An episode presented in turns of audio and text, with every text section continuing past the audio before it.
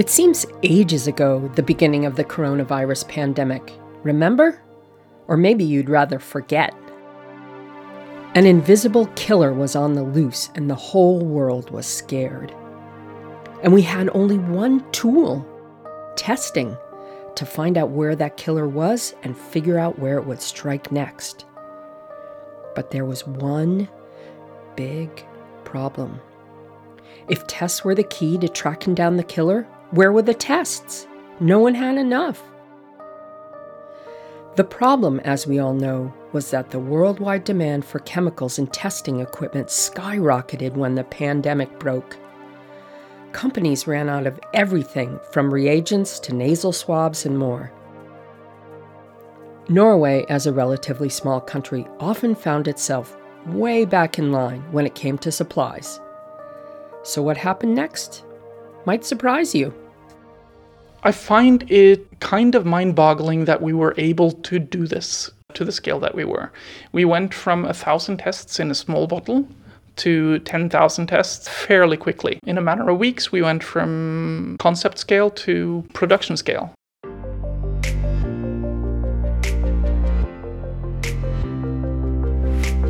I'm Nancy Bazilchuk, and you're listening to 63 Degrees North an original podcast from NTNU, the Norwegian University of Science and Technology.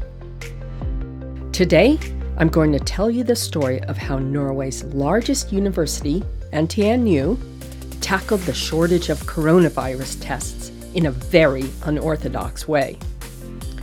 It's an unlikely story of how a bunch of lab geeks, some vanishingly small beads, and two emails saved Norway's bacon. So let's begin at the beginning. In this story, that would be March 20th, 2020. My uh, leader of Department of Clinical and Molecular Biology, he got a request from St. Olav's Hospital. All the whole medical faculty got a request, and the request was, "Do you have any kits for RNA extraction?" And that was the simple question. That's Magnar Bjørås. I'm a professor in uh, molecular biology or molecular medicine at NTNU and also at Oslo University Hospital and University of Oslo. Norway's first coronavirus infection was detected on February 26th. Newspapers had already begun to warn of shortages of personal protective equipment and tests. On March 12th, the government essentially shut the country down. People were told to work from home whenever possible, and wherever you're listening from, you can probably fill in the rest. Everything ground to a halt. People were afraid to go to the grocery stores. No one got their hair cut. And yeah, toilet paper. In Trondheim, doctors at St. Olav's Hospital began to feel the pinch almost immediately. St. Olav's is one of the big regional hospitals in the country, so on March 20th, they broadcast the urgent cry for help that Magnar Bjørås told us about earlier. When I saw that email, I thought immediately, of course, we have kits, but we have kits maybe for two, three, four hundred samples. It's nothing because we don't do large scale RNA extraction, we do small scale. And uh, so then I started to think there is no way we can provide them with anything that can support them in short run or long run. One thing you need to know about Magnar is that he grew up on a farm. That's part of how he got interested in biology. And I was very interested in life on the farm, uh, the animals, and how uh, living life was, uh, what's behind it. It's not hard to imagine that his background on the farm, where you need to know how to fix things and make do with what you have, contributed to what happened after Magnar got that first email. When the request from St. Olav's Hospital came about reagents, because they were uh, lacking reagents to do the extraction test, I thought that we, we can try to make an in house test and that's how it started. And uh, we thought that we do that now for the hospital for a few weeks, uh, so we can help them out of the crisis. At first, Bjørås and his colleagues made a test that used alcohol to extract the viral RNA. It worked, but it would be tough to implement at the scale needed. No, they needed something that would be fast and easy to use. Enter another email. It turns out a researcher that Magnar worked with knew about this researcher over in chemical engineering who was doing some interesting work with nanoparticles. So, we actually received a more general email from Magnar's department addressed to the head of the group tower department. And then he forwarded the email to us because he had been knowing that I was working with such particles. And the journey started. That's Sulalit Bandyopadhyay, and I am an associate professor at the Department of Chemical Engineering here at NTNU. While Magnar grew up on a Norwegian farm, Sulalit grew up in India and came to NTNU to do his master's and then PhD in the chemical engineering department. He did a shared postdoc at TU Delft and NTNU, working with tiny iron oxide particles coated with silica. The particles were labeled with a little DNA tag. By dropping these little harmless particles into a river, for example, they could trace the flow of the water along its journey by sampling the water, plucking their little iron oxide particles up using a magnet, and reading the little code. As it happened, they had already decided to try to attach RNA to the particles too. And guess what? The virus that causes COVID 19 is an RNA virus. Before we go any further, we need to know how the NTNU test works and why Sulalit's nanobeads, the one he used to study water flows, are important. The coronavirus test is basically done now taking swabs from the patient, mostly from the nose or sometimes from the throat. Once this swab is taken, it's mixed with some chemicals which Magnar's group has uh, made. And once these uh, are exposed to the chemicals, the virus opens up. Then you get the viral genetic material, which in this case is RNA. And then we add our beads to the process. Then you have to get the RNA from the virus out of the solution, and that's where the use of Sulalit's beads really shines. So, what the beads do is that they bind this viral genetic material onto their surface, and using a magnet, we can then separate them out. Later on, we use a different solvent, a different solution, where the beads then release this RNA back. And then, using some known technology called uh, PCR, polymerase chain reaction, we can find out whether this is the viral RNA or not. Those are the two places where the NTNU test cuts the need for chemicals. The first is if there's RNA from any virus it's attracted to the beads like bees to honey. No chemicals needed. The second is that they can use a magnet to take the RNA coated nanobeads out of the solution. Again, no chemicals needed. The last part of the test that you heard Sulalit describe involves a machine called a PCR, which is short for polymerase chain reaction, to read the genetic code of the RNA. In our case, they did this work down at St. Olav's. The PCR results allow the researchers to compare the code of the RNA they get from the patient to the code for the SARS CoV 2 virus. If they get a match, that means the patient has COVID 19. That also means the test can be used to detect the new variants of the virus that are circulating around the globe now. So, with the addition of the beads, what it does is that it's specific to the COVID 19 RNA virus, uh, as a result of which it gives us a very sensitive method of detection. The fact that they can create a coating that is specific to different genetic material is important, and not just because it makes their beads a very sensitive way to detect the coronavirus. I'll talk more about this later. Okay, so back to late March. One day after the email goes out from St. Olav's, Magnar and Sulalit connect. Magnar again. We realized in one day that this is going to work, and then we started the discussions, and then it just escalated. And one week after St. Olav sent its plea for help, the hospital got its new tests. The tests were double checked against the few remaining commercial tests the hospital had, and they worked. Not only that, but they were slightly more sensitive than the commercial tests. Once it was clear that the NTNU tests worked, the Norwegian authorities got interested. Maybe NTNU could make enough tests for the whole country?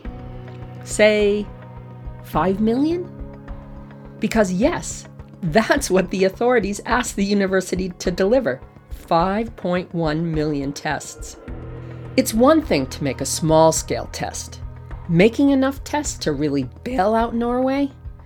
Well, that's a whole nother process. Sulalit again. And the initial days were very hard, uh, to be honest. We were working 24 uh, the first two and a half weeks when we were trying to do tests more at a small scale level. And then when we started scaling up, we got in more people into the team. So that was a bit more easy, let's say. Initially, we produced batches that were capable of producing kits for 1,000 tests. And then within a week, we were producing in the range of 10,000, 20,000, and grew. Right from the beginning, there was a core team of people like. My name is Vegar Ottesen, and I'm a postdoctoral fellow at the Department of Chemical Engineering. It was Vegar we heard at the top of the podcast, marveling at how fast the whole process went. His role was to inspect the nanoparticles after they had been made using a powerful microscope. Characterizing the product to uh, make sure that we got what we wanted to get and that the product quality was uh, adequate for use. Then there was Anuvansh Sharma, and I'm a PhD candidate at the Department of Material Sciences and Engineering at NTNU. Anuvansh had been working with Sulalit on the DNA labeled nanoparticles that they were using to study water flows but joined the team to make the nanoparticles for the COVID 19 test. So, Leth and I, we were synthesizing the particles, the iron oxide particles, and coating them with silica. At the peak of production, roughly 30 people were working in three independent groups. They had to make sure if someone caught COVID 19 in one group, the other groups could still keep producing tests. The pressure was intense. Norway needed tests. No one wanted to let the country down.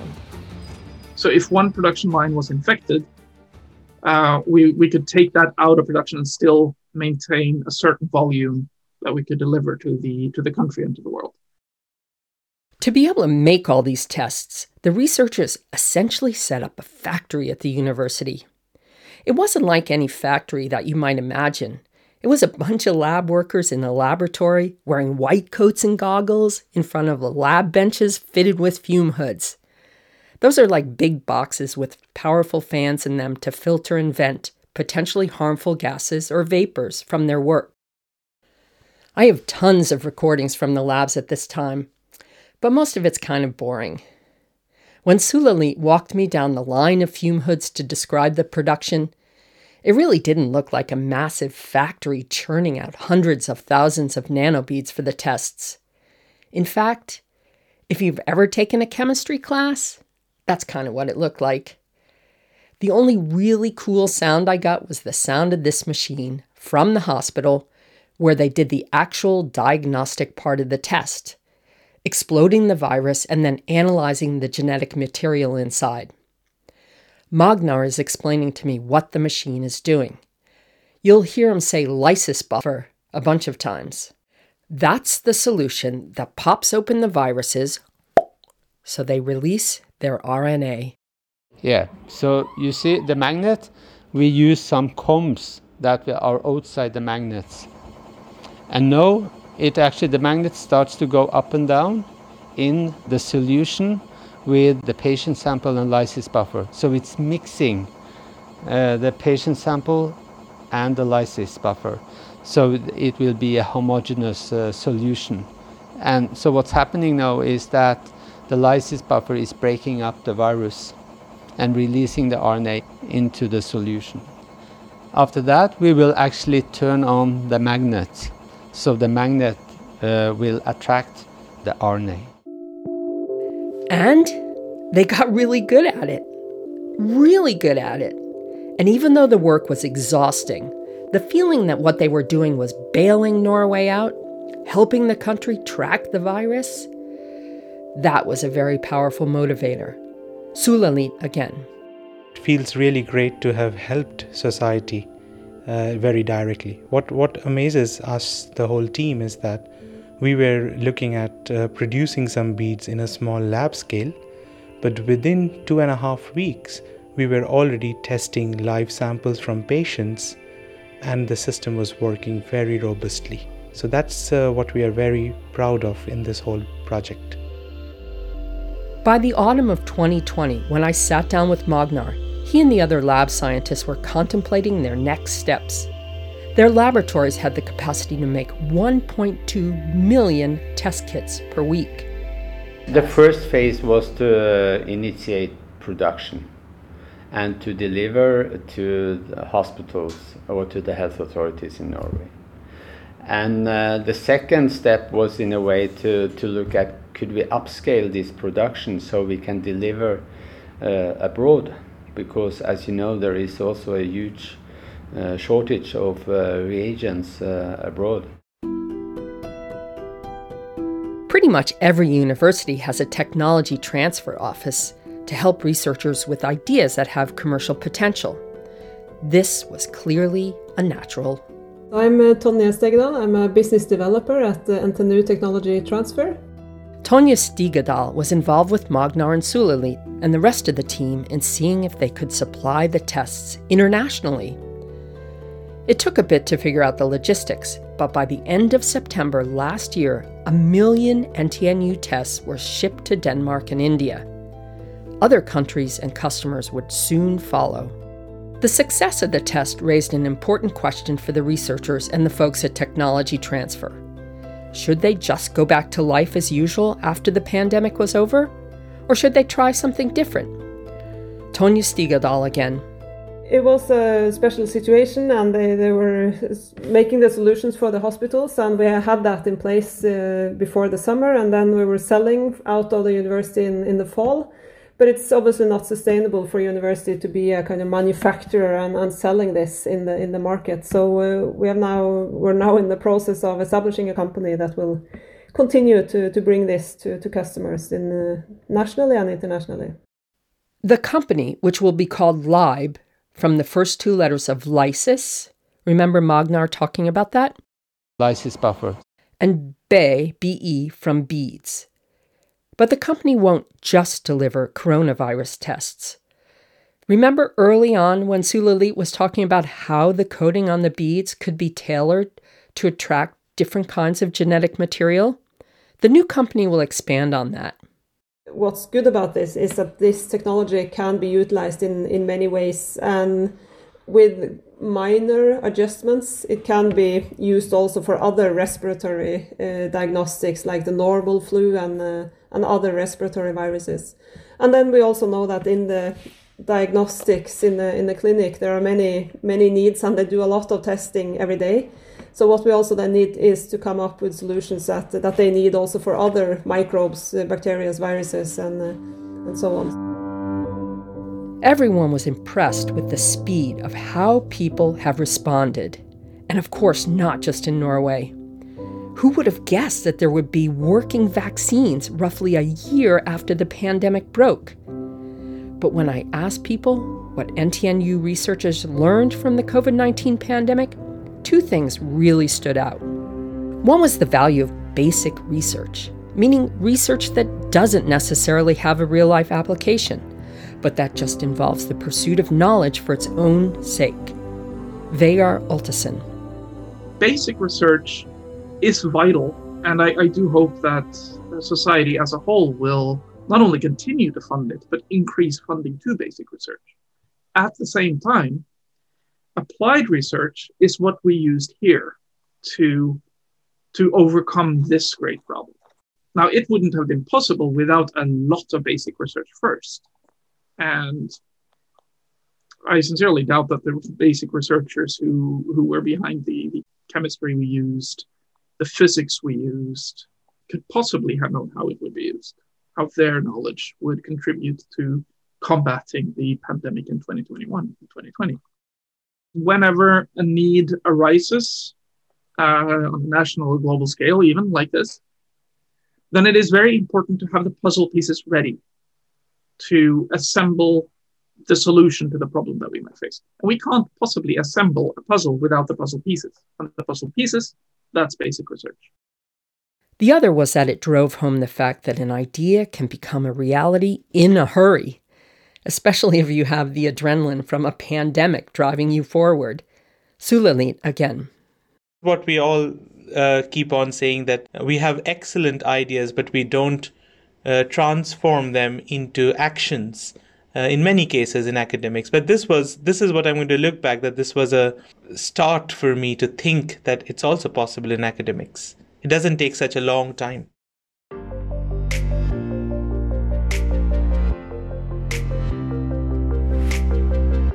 I'm Nancy Bazilchuk, and you've been listening to 63 Degrees North, an original podcast from NTNU, the Norwegian University of Science and Technology. You'll find more information about the NTNU test on our show notes page. If you've enjoyed today's show, we hope you'll let your friends know and leave a rating on your podcast app. Editorial help and sound design by Historiebruket. Thanks for listening.